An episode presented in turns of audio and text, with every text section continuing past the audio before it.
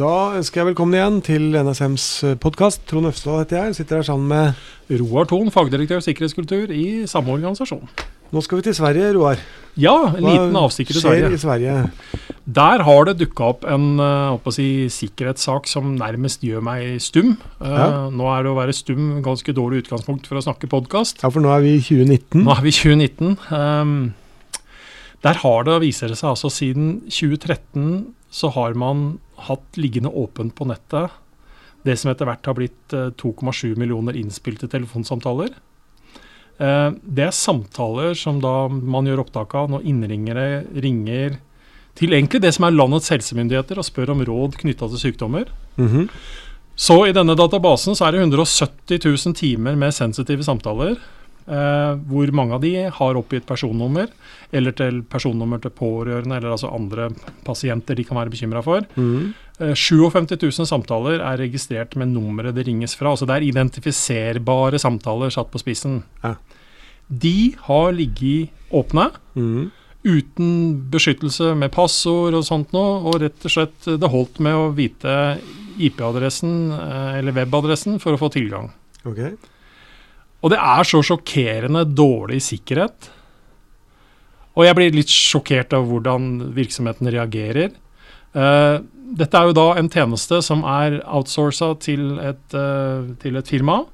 Så dette er ikke helseregionene. altså Dette treffer helseregionen for Stockholm, Södermanland og Värmland. Okay.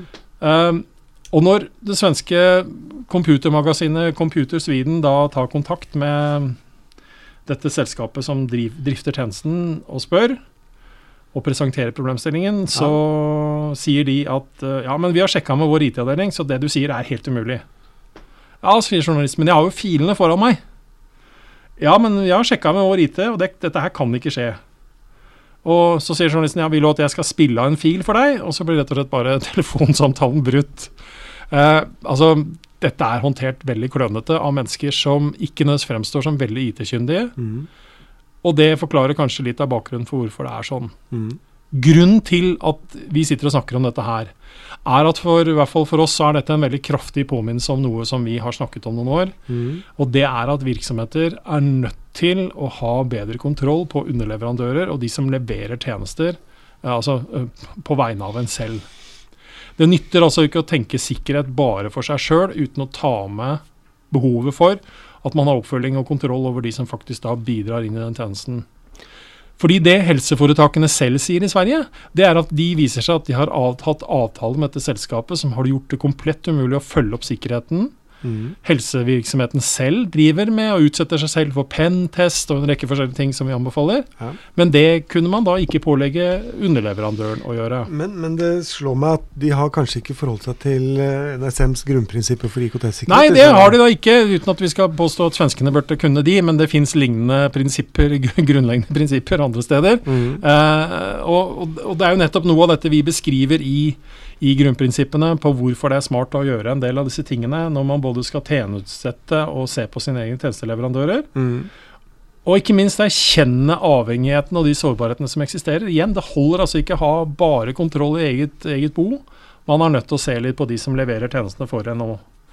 Og der har jo den nye IKT-strategien til regjeringen også. Den lister jo opp en del ting som, som også kommer fra grunnprinsippene våre. Mm -hmm. uh, men fire ting som egentlig treffer denne saken her litt, syns jeg.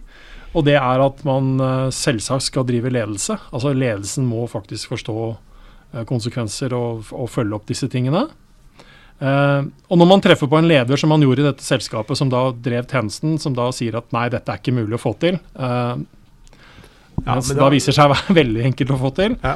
Så sier det kanskje litt i seg sjøl. Man må drive risikostyring. Men et uheldig eksempel fra noen som ikke hadde fulgt med i timen? Egentlig. Absolutt. Ja. Uh, men, men, så mye ikke fulgte med i timen at som jeg sier, jeg blir på grensen til stum rett og slett, og får jo, lyst til å bli det, litt oppgitt. Altså. Det viser vel at det er ikke alle som er opptatt av de tingene vi eh, er opptatt av? Nei, absolutt ikke. Men man må iallfall som leder forstå ansvaret man, hva man faktisk forvalter. Jeg vet mm. ikke hva utfallet blir av denne saken. Uh, det, det, gjenstår vel å se. Den er vel under etterforskning? Ja, og med ny, altså, med, med ny, lovgivning som vi da kaller GDPR i forhold til behandling av personrelatert informasjon, så kan dette her gå Så da får vi følge med dårlig.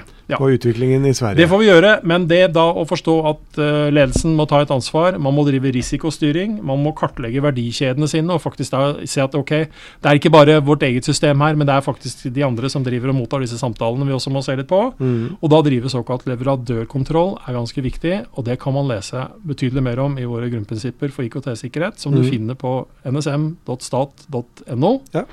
Um, og det var vel egentlig det vi hadde tenkt å melde om den saken fra Sverige. Da takker vi for oss. Det gjør vi. Hei, hei. Hei.